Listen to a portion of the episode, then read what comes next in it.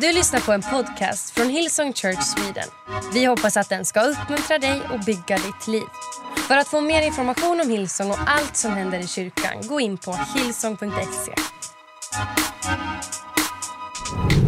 Underbart. Nu är det ju, det är ju eh, pedagogiskt fel att gå direkt in i predikan när jag redan har pratat med er i en stund. Men jag är ju ändå i våra norra campus som är fyllt av tro. Med bara människor som är glada att vara här. Som inte sitter med armarna i kors utan har tagit upp sin bibel och är redo för att höra Guds ord.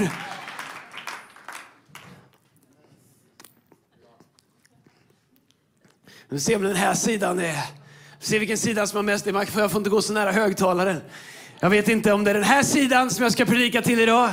Eller om det är den här sidan som är fylld av, mest fylld av tro. Eller om det the excited crowd sitter på den sidan. Fantastiskt, det är snart ungdomsmöte här om vi inte passar oss. Jag ska predika en predikan som kanske i sig, som jag hoppas att i ditt hjärta du säger ja och amen till. Uh, men det här kanske inte är en shout me down predikan. Men det här är någonting som jag haft på mitt hjärta uh, ganska länge och velat predika. Uh, därför att vi är en kyrka. Teologi, läran om Gud och Guds ord är avgörande för våra liv. Och det är viktigt att vi har en teologi för alla livets olika delar. Om du bara har en teologi som är name it och claim it, eller bara har en teologi som, är liksom, um, som funkar när livet är på ett visst sätt, då har du inte, då, då har du inte förstått fullheten av vem Gud är. Vet att teologi och läran om Gud och relationen med Gud och Bibeln, Bibeln har någonting för livets alla olika säsonger. Och om vi inte förstår uh, vad Bibeln säger i varje säsong så kommer vi hämta vår inspiration, vi kommer hämta våra värderingar. Vi kommer grunda våra beslut på andra saker. Vi kommer ledas av känslor, vi kommer leda av tid, ledas av tidsanda, vi kommer ledas av eh, miljöer. Men om vi, har, eh, om vi är grundade i Guds ord, eh, jag ska skruva bollen runt till er här så att ni ser Jörgen och ni som sitter här ska predika runt er. I Jesu namn. Ni slipper titta på mig hela tiden. Ni kanske vinner. Så jag vill tala idag om att Gud är nära dem med brustna hjärtan. Nej, ett brustet hjärta det handlar inte bara om att eh, eh, eh, om liksom som, som i filmer, i Hollywoodfilmer, att du har ett brustet hjärta. Eller, om ni kommer ihåg filmen Can't buy me love. jag vet inte varför jag tänkte på den när jag gjorde den här predikan. Det är en gammal referens. Ser att den flyger lite över huvudet på en del här. Um, och um, speciellt scenen när han kör åkergräsklippare har på något sätt fastnat i mitt huvud. Men tillbaks till teologi. Vi börjar ju den här predikan så bra. Vi håller oss till det. Men du vet att ha ett brustet hjärta eller ha en säsong som är tuff eller gå igenom en livskris eller gå igenom saker och ting i livet. Det, det är någonting som livet innehåller. Och om vi inte har en teologi som vi kan hålla i och som vi kan stå på när allt inte är glasklart, när solen inte är jättevarm, när det regnar som det bara kan göra i Göteborg. Då kommer vi börja drifta. Då kommer vi börja tänka att det här med Gud ska ju vara roligt. Det här med kyrka ska ju vara roligt. Det här med, med, liksom, med Connect-gruppen, det ska ju bara vara roligt. Och det får det gärna vara. Det kan ju vara båda samtidigt. Men Bibeln har jättemycket att säga om livets alla olika säsonger och en mogen kristendom en teologi som bär oss, byggt på Guds ord, Guds värderingar, Guds löften genom livets alla olika säsonger. Så därför så vill jag tala om det idag. Jesus säger, Jesus säger, i den här världen får ni lida. Han säger det. Det kommer finnas lidande i den här världen. kan läsa genom Bibeln, Jesus själv fick lida, lärjungarna fick lida, alla fick lida, Paulus fick lida. Han säger, i den här världen får ni lida. Är du glad att du kommer då? I den här världen du, kommer vi få lida. Men behåll hoppet, för vi har övervunnit världen. Paulus säger vi lever i världen, men vi lever inte av världen. Vi får inte vårt värde, vår bekräftelse, vår inriktning, vår motivation, vår grund, vårt fundament från världen. Vi lever i en brusten värld där vi drabbas av brustenheten i världen. Men vi lever av något annat, vi bygger våra liv på något annat. Och ska jag vara helt ärlig så, jag tror att en av de sakerna som pandemin har gjort med, med, med en del kristna, att det har, det har snurrat till. Deras gudsbild har snurrat till, deras världsbild har snurrat till, deras bild av kyrka, deras bild av, av deras gudsrelation. Därför att vi inte alltid har en teologi för tuffa säsonger i våra liv. Engelska översättning på det, äh, bibelordet är um, in this world you will have trouble, but take heart, because I over overcome the world. Okej, okay. så predikan heter Gud är nära dem med brustna hjärtan. Och jag vill tala om verktyg för att behålla hoppet. I psalm 34, vers 18, så står det så här. Ja, vers 20. De rättfärdiga ropar och Herren hör. De är bara pausa där. Uh, därför att jag skulle kunna bara liksom kasta iPaden och ta upp keyboarden och så går vi på eftermöte direkt. Det är viktigt för dig att höra vad jag precis sa.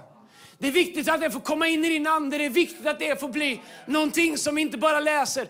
De rättfärdiga ropar. När ropar man? När man tror att någon inte hör, när man tror att någon är långt borta, när man är i en situation där man har panik, när man är i en situation när man desperat behöver uppmärksamhet. Jag ropar inte på Lina när hon sitter bredvid mig i bilen. Jag pratar med Lina då. Uh, eller så har vi bara på en bra låt. det är också, så pratar vi, det gör vi. Uh, men ropar, det gör man när man behöver någons uppmärksamhet. Bibeln säger att de rättfärdiga ropar, det innebär att vi hamnar i situationer där vi behöver ropa till Gud. Det är en gammal låt som heter Ropa till Gud. Jag kommer inte ihåg mer. Shout to the Lord. Ropa till Gud. Ropa till Gud och ropa till Gud. De rättfärdiga ropar och Herren hör. Bestäm dig för att det är sant. Han räddar dem ur all deras nöd. Vilken nöd räddar han oss ur? All våra nöd. Herren är nära dem som har ett förkrossat hjärta. Alltså är det inte fel på din gudsrelation. När du lite nu och då går igenom säsonger och saker i ditt liv. Tvärtom säger Bibeln att Herren är nära dem som har ett förkrossat hjärta. Det här, handlar, det här är inte samma sak som i bergspredikan om, om, om förkrossat hjärta och fattig anden. Det här är eh, uh, broken hearted och crushed är vad ordet menar. Och han frälser dem som har en bedrövad ande. Lyssna här, vers 20. Mycket får den rättfärdige lida. Det är uppåt idag. Men det är så viktigt att vi förstår det här. Att vi har en teologi för det här. Att vi har en mogen kristendom för det här. Annars så kommer vi vara som små andliga bebisar som springer runt och säger, det känns inte bra. Det är inte joligt. Jag är inte med längre. Mycket får den rättfärdige lida, men Herren räddar honom och henne ur Tveksamt. Men Herren räddar honom ur? Herren räddar honom ur? Vad räddar Herren dig ur? En del är fortfarande osäkra.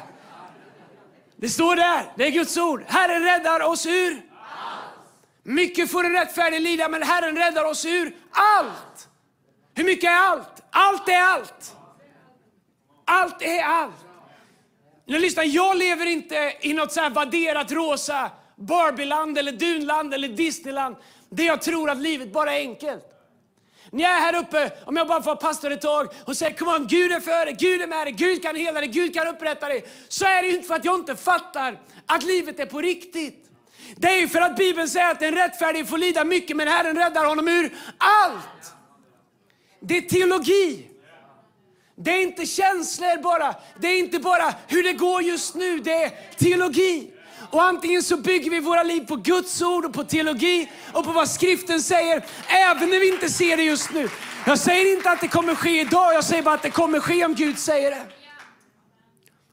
Så om vi ska ha en grundad, mogen tro så måste den vara grundad i Guds ord, i teologi. Därför så behöver vi ha en teologi för våra säsonger av broken heart.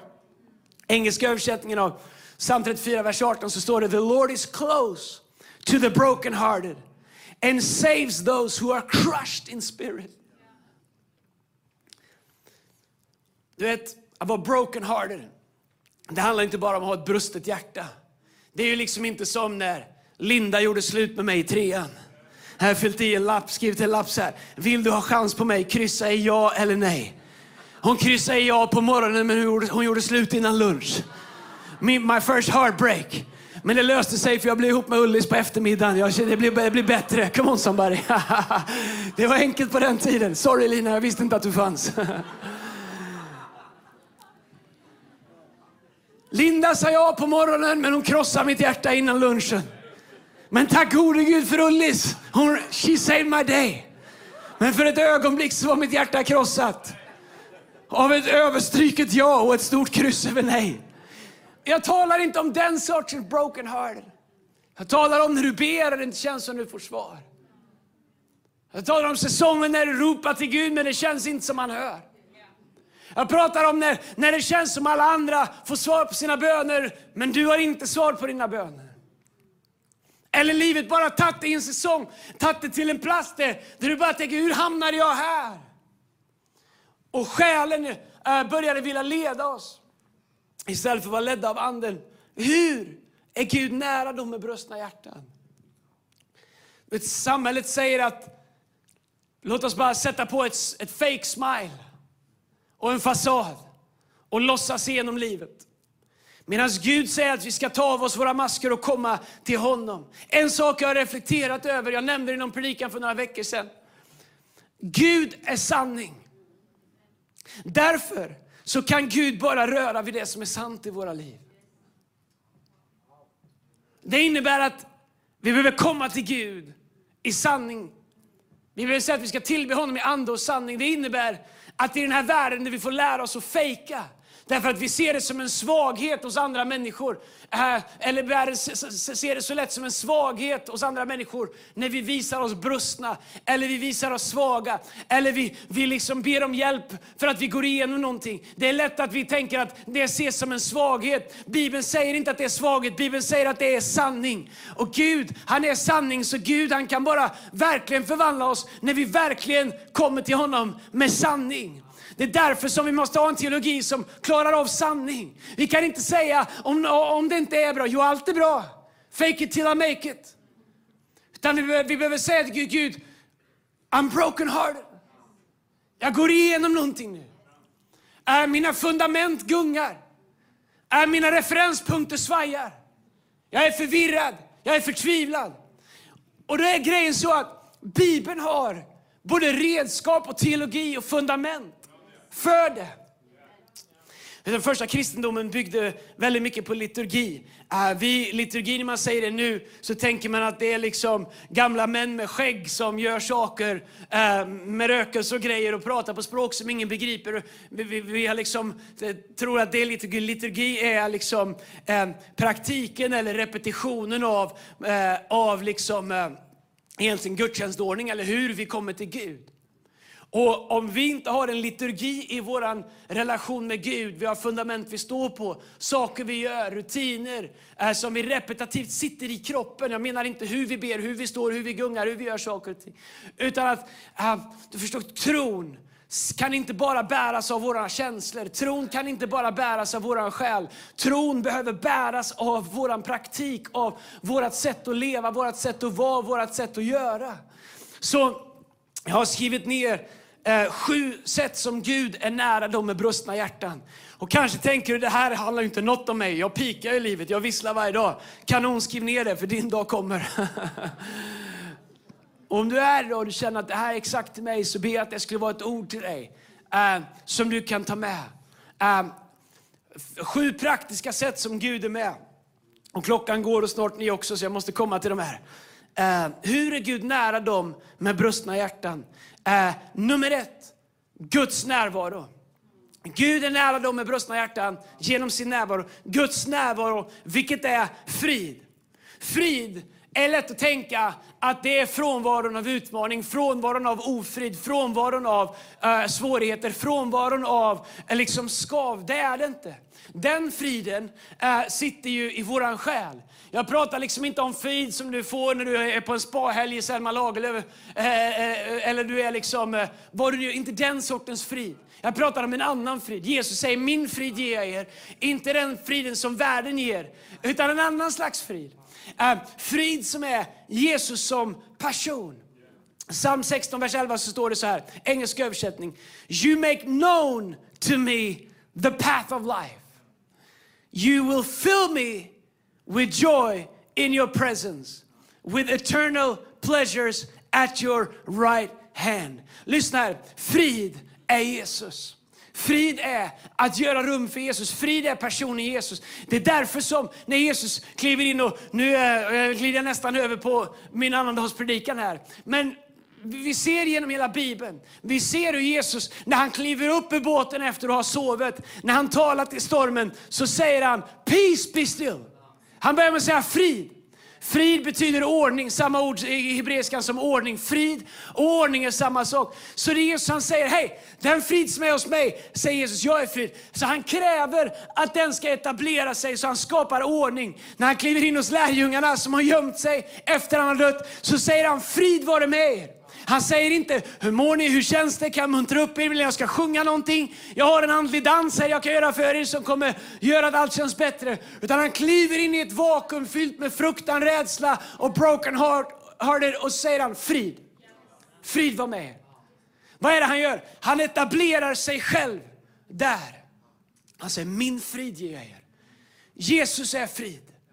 Det är därför när vi lovsjunger här, det är därför teamet här idag, Jasmin och, och, alla andra som var med här, när vi lovsjunger, det är därför de försöker få dig att lovsjunga. Och det går bättre med en del och svårare med en del. Det är vad det är. Anledningen att vi har ett lovsångsteam här är inte för att de är kallade till att lovsjunga, det är de förhoppningsvis, eller vet jag att de är. Det är för att många av oss, vi behöver hjälp i gudstjänsten, Vi lovsjunger för att Gud är värd allting sådär. Men vi behöver hjälp att flytta vårt fokus från oss själva, från våra omständigheter, från våra broken hearted, från våra allting som veckan har varit och, och fästa den på Jesus. Faktum är att de flesta av oss, vi klarar knappt det själva och det är fine. Det är liksom ingen, det är ingen liten lavett du får. Men anledningen att de står här och ibland till och med lite småprovocerade och säger kom on ska vi lyfta våra händer. Det är för att när vi flyttar vårt fokus från omständigheterna på Jesus så kommer han som är fridsfursten, fridens herre, börja etablera någonting i våra liv. Därför så bygger vår lovsång inte på känslor eller om vi gillar låten eller om vi liksom haft en bra vecka. Våra tillstånd, våra omständigheter. Vår lovsång handlar om att bjuda in han som är frid. Därför att vi förstår att jag behöver fridens första i mitt liv. Jesus, därför söker jag dig. Jag har upptäckt att bara Guds frid trivs i Guds närvaro. Vet du hur många gånger som jag bara haft så mycket saker i mitt liv som äter upp mig, skaver, gör ont. Och efter jag lovsjungit ett tag och är i Guds närvaro så inser jag att de sakerna skaver inte längre. När de kanske möter mig på parkeringsplatsen igen, det är vad det är. Men jag upptäckte att ju djupare jag går in i Guds närvaro, ju mindre trivs allting som inte bär Guds frid. Så det första, hur Gud är nära de med brustna hjärtan, är genom sin närvaro. Det andra är genom Guds folk, kyrkan, församlingen. Och låt mig säga någonting om det här uh, som jag egentligen skulle vilja ha mer tid. Jag kanske kommer tillbaka till det. Men du förstår, församlingen. Det är enkelt för oss att titta på församlingen ungefär som vi gör med allt annat i livet. Jag är med där, jag är med där, jag är med där, jag är med där, jag är med där och så är jag med i kyrkan. Men du förstår, om vi tittar på den första kyrkan, om vi tittar på kristendomen, om vi tittar på lärjungaskap. Så för det första fanns ingen tro utan församling. Det fanns inget, inget lärjungaskap utan kropp. Och ibland tror jag att en av de bästa sakerna som fienden har gjort med vårt mindset utan att vi kanske är medvetna om det, är att få oss att tänka att kyrkan är, jag pratar inte bara om att komma till kyrkan, utan hur vi ser oss i relation till Kristi kropp. Att tänka, den här veckan har de här åtta sakerna jag ska balansera och få till, och kyrkan är en av de sakerna jag ska hinna med. Så kan det ju vara praktiskt och jag, jag har förståelse för det. Men om, din, eh, om det är din uppenbarelse om vad Kristi kropp är, då har du inte fullt ut förstått kraften i frälsningen, kraften i evangelium och kraften i vad Guds ord har att ge och erbjuda. Därför att kyrkan, Kristi kropp, är bärare av tron, bärare av evangelium, bärare av Guds löften. Och så mycket av det Gud, Gud lovar att han vill göra i våra liv är kopplat till gemenskapen. Det är därför som fienden alltid försöker skilja oss bort ifrån flocken. Och han kan göra på så många olika sätt, genom saker vi går igenom så att vi får fördömelse, eller genom något som någon gör emot oss, eller genom att livet blir för busy. Därför att frånskilda från kroppen så är vi inte fullt ut positionerade där Guds löften kan verka som Gud, eller Guds ord kan verka som Gud har lovat i våra liv. Kan läsa apostlarna om det, kan läsa Paulus brev om det. kraften i kroppen, kraften i förståelsen om att jag är planterad i Kristus, men jag är också planterad i dig. Jag behöver, för att leva ut fullheten av evangelium så behöver jag leva ett liv tillsammans med Kristus, men också ett liv tillsammans med de som följer honom, Kristi kropp. Du vet om, om jag blir sårad, om jag får ett sår här, så är det det friska runt omkring som läker såret. Det är det hälsosamma runt omkring. Det är det hela. Så när, när jag är trasig i mitt liv så, så ska jag göra tvärtom mot vad mina känslor säger. Dra mig undan, vara för mig själv, hålla mig borta. Istället ska jag söka mig närmare, söka mig djupare, gå ännu oftare på Connect-gruppen, vara ännu mer i kyrkan, signa upp i ett team. Därför att jag förstår att det är närheten till Kristi kropp som kommer hela mig i det som Bibeln säger. Det är när vi behöver det som minst som du kanske behöver kyrkan som mest. I Jesu namn. Det tredje som Gud använder för att hela dem med brustna hjärtan, för hur han är nära dem med brustna hjärtan rättare sagt, det är Guds löften. Det är bara bra saker idag och jag har inte kommit på ett enda av dem. Nummer tre, Guds löften. Ordet, Guds ord. Det första är Guds närvaro, frid. Det andra är Guds folk, församlingen. Det tredje är Guds löfte, ordet. Det blir lite Bible study här idag om det okay. Lyssna här, Ordspråken kapitel 4, vers 20. Eh, så står det så här. Min son, det gäller döttrar också, ta vara på mitt tal. Vänd ditt öra till mina ord. Jag vet inte hur det är med dig. Uh, så om du kanske har barn, jag har barn. Uh, du förstår, uh, att höra är en sak. Mina barn de har perfekt hörsel så, långt jag vet. De hör bra. Eh, det finns vissa saker man kan säga och de hör jättebra.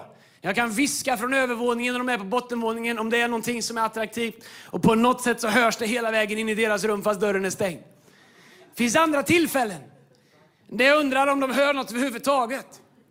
Och jag inser att det är skillnad på att höra och att vända sitt öra till någonting. Du förstår grejen med Guds ord det är, och om Guds löften, det är att det är en sak att höra dem. Man kan rabbla Guds löften här till kossorna kommer hem och solen går både ner och upp igen. Men att höra löftena och att vända sitt öra mot dem, det är två helt olika saker. Det ena har med örat att göra, det andra har med din ande att göra. Och det är därför som, eh, som eh, Ordspråken skriver i 4.20, min son ta vara på mitt tal, vänd ditt öra. Alltså bestäm dig för att höra med anden. Bestäm dig för att ta emot det. Vänd ditt öra till mina ord. Låt dem inte vika från dina ögon. Bevara dem i ditt hjärtas djup, till de är liv för var och en som finner dem och läkedom för hela hans kropp. Vet att i varje situation så har ordet en väg framåt. Eh, om man upptäcker dem och, och vänder sitt öra mot dem och proklamerar dem så är bördan tillbaks på ordet att producera det som det säger att det ska göra. Bibeln säger att inte ett enda ord ska återvända fåfängt förrän det har producerat och gjort det det var utsänt för. Om vi vänder vårt öra mot det. Men därför så är det så otroligt viktigt eh, hur vi förhåller oss till Bibeln. När det finns utrymme i Guds eh, Kristi kropp och i den stora kyrkan att tolka saker lite olika. Men du förstår, det finns någonting som jag skulle vilja säga någonting om. Jag tror aldrig jag pratat om det tidigare. Men en sak som varje generation måste passa sig för. En sak som varje generation är frestad till. Och kanske mer än någonsin de sista hundra åren eller ännu mer de sista 30 åren. Det är högmodigt av att vi är den generationen som äntligen har begripit hur Bibeln ska läsas. Att vi är en generation som har fattat det som inga apostlar, inga profeter, inga kyrkofädrar, inte Paulus när han skrev det heller, begrep vad det egentligen betydde. Och Jag tror att den tidsanda som är, där vi är smartare än någonsin, vi kan mer än någonsin, vi är mer upplysta än någonsin. Världen blir mindre äh, äh, för oss i en tidigare ålder än någonsin tidigare så är det sjukt enkelt att samma ande som kom till Adam och Eva. Jag vet att jag pratat i kyrkan här nu. Det är samma ande som kom till Adam och Eva och ifrågasatte om inte de är lika smarta som Gud. Varför de inte skulle kunna äta av kunskapens träd. Och hon säger, skulle Gud verkligen ha sagt? Är det inte egentligen upp till er att definiera vad Gud menar med det? Är det inte så att var och en blir salig på sin tro? Är det inte så att man inte riktigt kan läsa Bibeln på samma sätt längre? Vi är ju så smarta nu. Och så missar vi det faktum att ordet har burits av tradition, av eh, liturgi, av eh, kyrkofäder, av eh, apostlar i 2000 år. Och helt plötsligt kommer vi och säger att ingen annan har begripit någonting för de hade inte internet. Och så tänker vi att det står oss fritt att definiera om Guds ord. Fritt att tolka om, fritt att klippa och klistra, fritt att göra som vi vill. Men vi vill ändå ha vad Bibeln säger. Och vi vill att sammanhanget ska passa så som vi har klippt ihop det. Guds ord är inte alltid lätt att förstå. Och jag har inte hela uttolkningen. Och vi får mer och mer ljus på saker ju mer vi läser. Så ingen kan sitta sig och säga, säga jag har tolkningsföreträde. Och när jag träffar människor som vet exakt hur allting är så blir jag alltid lite skeptisk. Men en sak måste vi veta om vi ska läsa Guds ord och om vi ska få vad ordet säger. Det är att om inte ordet är en auktoritet i mitt liv så spelar det ingen roll vad jag gör med ordet. Därför att antingen är ordet en auktoritet, därför i begynnelsen var ordet, ordet var hos Gud, ordet var Gud. Ordet blev kött och bodde mitt ibland oss, ordet är Jesus. Antingen är det en auktoritet som har fritt spelrum att tala, leda, prägla mitt liv.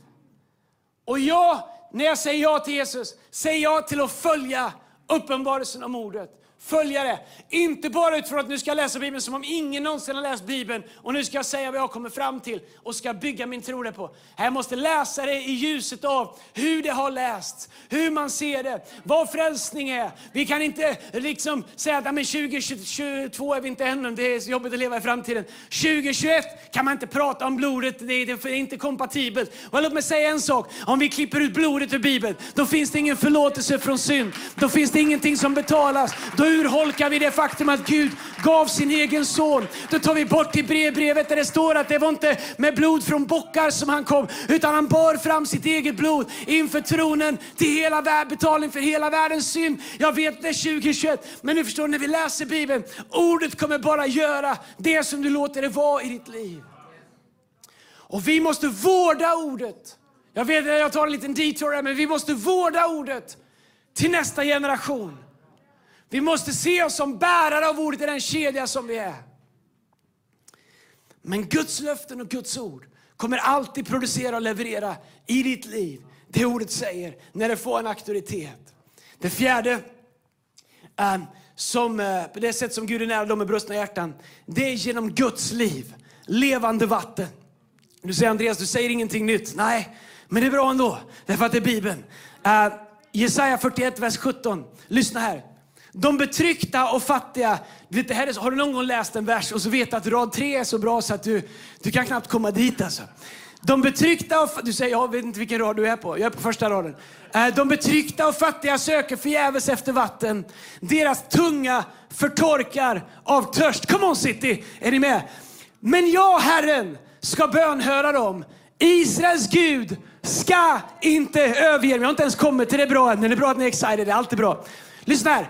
Du vet, jag har läst det här innan. Jag har inte ens, jag har inte ens fattat att det här står. Alltså, hur har jag missat det? Gud säger, jag ska låta strömmar rinna upp på höjderna och källor i dalarna. Jag ska göra öknen till sjö och torrt land till källsprång. När Bibeln säger att om vi söker honom, eh, så kom, när vi förtorkar av tröst, då kommer han bönhöra oss och han kommer ge oss vatten. Och hans löfte är så starkt om levande vatten, till och med i gamla förbundet. Jesus säger den som tror på mig ur hans inre ska strömmar av levande vatten flöda ut. Men här säger han att han ska låta strömmar rinna upp på höjderna. Jag vet inte hur du hade det, vilket ämne det nu blir. Inte geografi, biologi, historia, Lik kanske är vattnet, vilket håll det nu rinner. Skulle varit med lite där ändå.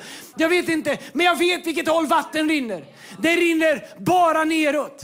Om du häller vatten så rinner det bara neråt. Men det är som att Gud säger, om jag så ska låta strömmarna rinna upp för berget, så den som ropar på mig kommer jag bönhöra. Och jag vill att du ska bara få det i din ande. Att du kan säga, det finns inte ens en väg för vatten till mig. Det ser ut som det är stängt överallt. Det ser ut som det är uppförsbacke. Men Gud han säger, om så strömmarna, kom on somebody, det här är bra. Om så strömmarna ska rinna upp för berget så ska vattnet träffa dig. Gud har sagt att levande vatten kan komma till dig vart du än är. Han säger att han ska ta öknen och göra den till en sjö där du är. Du kan se den runt omkring och säga, det är öken överallt. Och Gud säger, perfekt, låt mig göra om det till en sjö. Och du säger, men vattnet kan inte rinna hit. Det gör inget, säger Gud, för mitt vatten kan rinna uppför om det så behövs. Levande vatten, anden.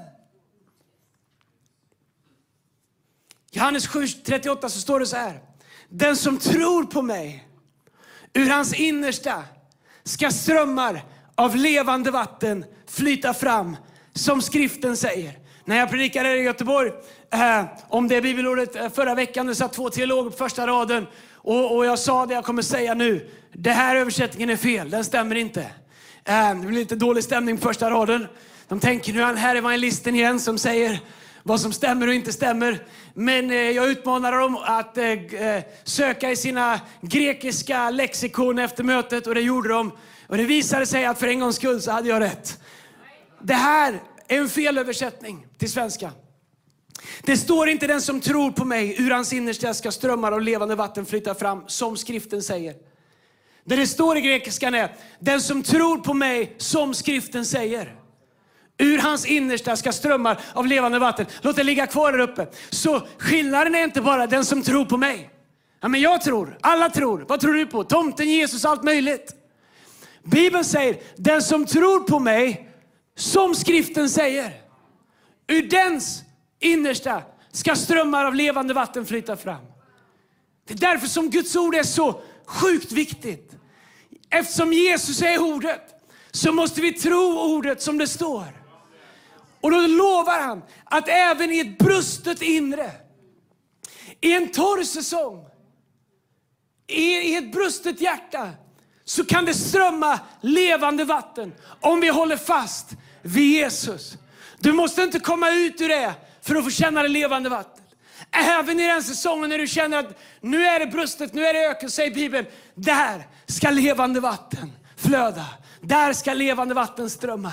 Det är därför som det är så viktigt att hålla fast vad Gud har sagt. Hålla fast vad Gud har sagt. Gud har sagt någonting och du börjar hålla fast vid det. Och så hamnar du i en situation där det är öken eller brustet hjärta. Och du hamnar inför, ska jag hålla fast vid vad Gud har sagt när ingenting verkar funka? Om jag håller fast vid det så får jag problem med mina omständigheter. Eller ska jag anpassa vad jag tror så att jag kan hantera mina omständigheter? Bibeln säger, den som tror på mig som skriften säger hur hans eller hennes innersta ska strömmar av levande vatten. Ibland är det bättre att säga, Gud jag fattar ingenting, mitt hjärta är brustet. Men jag vet att du har sagt att strömmar kan rinna upp för om det behövs.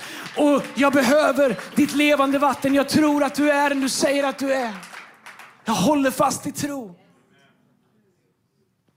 Det femte är Guds syften. Fråga inte varför det sker. Fråga vad Gud vill göra nu. Du förstår, en del saker bara är vad de är. Och ibland kan vi säga, vad, vad menar Gud med det här? Ibland menar han ingenting. Vi lever i en brusten värld, vi lever i trasiga omständigheter. Vi är fel ibland, här saker händer. Men när vi befinner oss i en situation där vi upplever brustenhet eller vårt hjärta är förkrossat eller vi går igenom en säsong så, äh, så behöver vi hålla fast i Guds syften och förstå att allt som sker är inte Guds mening. Det finns inte alltid en Guds mening med allt som sker. Men Gud kan och Gud vill göra en mening av allt som sker. När jag ser tillbaka på saker jag gått igenom i mitt liv så önskar jag att jag aldrig hade behövt göra det. Det finns saker jag får, kommer få kämpa med till den dagen Jesus kommer tillbaks eller tills de gräver ner mig. Det kommer bara vara en del av mitt liv och jag måste leva med och hantera det. Minnen, upplevelser, saker som har färgat mig som person. Jag kommer få leva med det. Men du förstår, jag har ingen fråga till Gud. Vad var meningen med att jag skulle gå igenom det? Varför tillät du det? Varför hände det? Jag behöver ingen mening. Jag behöver ingen anledning. Jag vet vad Gud har gjort igenom det. Jag vet vad som har kommit ur det. Jag vet, jag har sett Guds trofasthet i det. Jag behöver inte förstå varför jag gick in i det. Jag behöver bara tacka Gud för hur jag kom ut ur det. Jag behöver bara tacka Gud för vad han gjorde när jag kom ut ur det. Jag behöver inte veta vilken dörr gick jag fel? Vem var det som gjorde det mot mig? Hur kunde det bli? Hur skulle jag ha gjort? Det spelar ingen roll hur jag kom in i det. Det enda jag behöver veta, tack gode Gud att du ledde mig när jag var i det. Du lät vatten komma till mig medan jag var mitt i det. Du gjorde en väg för mig mig ut ur. Jag vet inte varför det har hänt, men tack gode Gud för att du har varit där och du gjorde en mening av det som var meningslöst. Det sjätte och det näst sista, och Gud är med, de med brustna hjärtan, det är med Guds kraft. Guds kraft. Kämpa inte Guds kamp. Svåraste i hela mitt liv jag tycker ibland Gud är långsam, jag tycker att han inte alltid ser mina lösningar. Eh, han lyssnar inte alltid på mina förslag. Eh, han låter inte alltid mig sätta takten. Eh, han gör det på sätt som jag inte alltid begriper. Jag, jag tycker att eh, det går långsamt generellt eh, ibland. Eh, men det är ju inte fel på Gud, så att säga. jag uppskattar ni som skrattar just nu. Men det är mitt ok att bära. Andra Mosebok 14 och 14 så står det så här, Herren ska strida för er och ni ska hålla er stilla. Du vet i vissa situationer i livet så måste du veta när du inte ska fightas. Ibland är det som att Gud säger, okej, okay, vill du fightas så pausar jag. När du är redo att pausa säger Gud så fightas jag. Du vet allting i livet med en rött skynke betyder inte att du ska ta en fight. Allting i livet med ett bullseye i pannan betyder inte att du ska skjuta. Allting, varje gång någon trampar dig på tårna är inte en inbjudan till att du ska strida. Bibeln säger Herren ska strida för er. Och ni ska vara stilla där vid. Lita på Guds kraft. Jag älskar Ordspråken, äh, psalm 127, där det står att det är samma som orättfärdiga går upp tidigt och jobbar för hela dagen i sitt anletes svett. Jag, gillar, jag kan den bara 1917 års översättning, den som Paulus läste. Äh, 19, en del fattar, ni kommer, kommer, när du kommer hem kommer du... Kan inte, Paulus kan inte ha läst den. Det funkar i Göteborg, okej? Okay? Det är samma som människor orättfärdiga går upp tidigt, jobbar för hela dagen i sitt anletes svett. Det är samma ger han till de rättfärdiga medan de sover. Så det andra människor jobbar för som inte följer Jesus har Gud lovat att ge dig medan du vilar. Herren ska strida för er, Guds kraft. Och ni ska vara stilla därvid. Vi frestas att ta kampen. Jag ska väl, vi ska avrunda, jag ska avrunda men när vi, hade när, vi började, när vi skulle ställa in, eller ställa om Revival Night i år. Frustrerande. Superfrustrerande. Uh, men vi var bara tvungna att säga, Gud du har det här, you're in control. Nu för några veckor sedan när de började prata om nya restriktioner, vi har precis, uh, det kan verka som att vi bara tryckte på en knapp och startade kyrkan igen, men så var det inte efter ett och ett halvt år av mer eller mindre nedstängdhet med mikromöten under några perioder. Team ska byggas från grunden, så mycket ska byggas från grunden. Du kanske inte ser det när du kommer på möte här, men så mycket ska byggas från grunden. Eh, så mycket hinner hända på ett och ett halvt år av att vi inte har kunnat ha verksamhet som vanligt. Och vi börjar i höst känna att vi har momentum och så, så säger de att nu blir det restriktioner, vaccinpass eller så får ni krympa samlingarna. Eh, och för ett ögonblick där så kände jag bara, det här, det här är, ehm, ehm, det, det, det, var inte, det var inte bra, det var inte roligt. Men du vet, då måste du gå till andra Mosebok 14 och 14 och säga Gud det här är din fight. Jag har inte börjat den här resan med att bygga ditt hus och jag kommer inte vara den sista som gör det. Och du måste veta i ditt liv. Därför att om du är involverad i fel fight, då fightas inte Gud åt dig om du fightar det. Men å andra sidan så, så missar du den fight som du kanske borde göra. Oftast har jag märkt att den fight vi behöver vara involverade i är i oss själva. Mot vårt kött, mot saker som vill dra oss bort ifrån Gud. Det är där oftast som fienden vill så gärna få oss eh, involverade i andra sorters fighter. Så att vi inte är involverade i den som handlar om att bli mer lika Gud och likna Jesus mer och mer. Och när världen ser att vi älskar varandra ska de förstå att det är Gud som har sänt oss. Att Paulus säger att jag kämpar mot mitt kött och jag vill bli ledd av ande. Du förstår, det är där fighten borde vara fighten eh, av att hitta tid för att spendera med Gud. Men vi är så lätt för att slukas in och dras in i andra enkla fighter. Gud säger, lämna det där till mig. Herren ska strida för er. Sakarja 4 och 6 är det va? Inte genom någon människas styrka eller kraft ska det ske, utan genom min ande, säger Herren. Vilka områden i ditt liv borde Gud få fightas för istället? Om du bara gav dem till honom. Det sjunde och det sista. Guds allsmakt. Vi behöver inte förstå hur. Bara lita på att Gud gör det han har lovat. Matteus 28, vers 16. De elva lärjungarna begav sig till det berg Galileen dit Jesus hade befallt dem att gå. Och när de såg honom tillbad de honom, men andra tvivlade. Då trädde Jesus fram och talade till dem och sa, jag har fått all makt i himmelen och på jorden. Jag kan bara få säga det, jag vet att det, det, det är ett bibelord som många har hört innan. Men antingen har Jesus jag vill säga, jag ska det till trosidan här. Antingen har Jesus fått all makt i himmelen, eller så har han ingen makt på jorden. Antingen har han all makt i himlen och på jorden eller så har han ingen makt i himlen eller på jorden. Om han har all makt i himlen och på jorden, då har han makt över det som är i mitt liv. Då har han makt över min framtid. Då har han makt över min familj. Då har han makt över min sjukdom. Då har han makt över det jag har lagt i hans händer. Antingen har han makt eller så har han inte makt. Och har han makt så har han all makt. För om han inte har makt, då är han inte Guds son. Men om han är Guds son, då har han all makt. Och Paulus han säger i Filipperbrevet 1 och 6, jag är övertygad om att han som har börjat ett gott verk i er också ska fullborda det in till Kristi Jesu dag. Han är allsmäktig. Därför när du går igenom saker och ting och du känner att ditt hjärta ibland är krossat, då behöver du ha en teologi som säger, jag vet inte hur, jag vet inte varför, men han är allsmäktig. Bibeln säger, han slumrar inte, han sover inte, han han vänder oss aldrig ryggen, han lämnar oss aldrig. Han är allsmäktig, han är alfa, han är omega, han var före det här, han kommer finnas efter det här.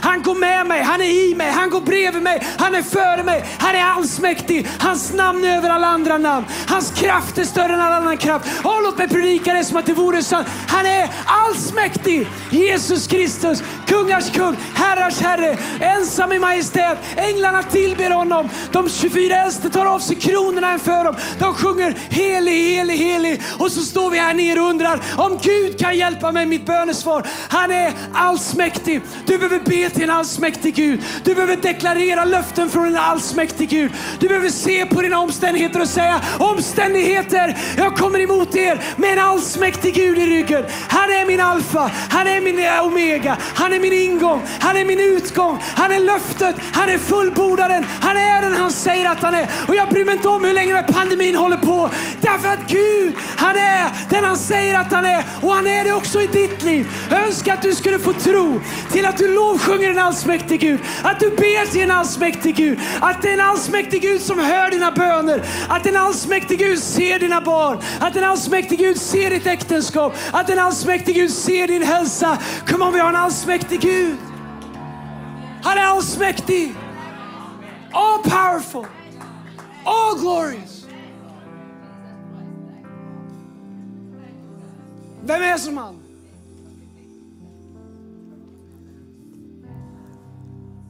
Allsmäktig. Och en del av er, ni skulle behöva skaka av i dammet lite. He's almighty. He's almighty. Bibeln säger att han skopar sin hand och han mäter upp havet. Han spänner ut sin hand och himlavalven får plats. Han tar sina fingertoppar och så sätter han ut stjärnorna. Han säger till solen att lysa. Han är allsmäktig. Allsmäktig. Allsmäktig, mäktig överallt. Allsmäktig. Thank you Jesus.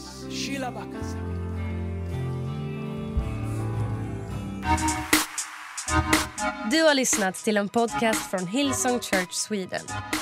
Om du vill veta mer om vår kyrka eller om våra söndagsmöten surfa in på hillsong.se.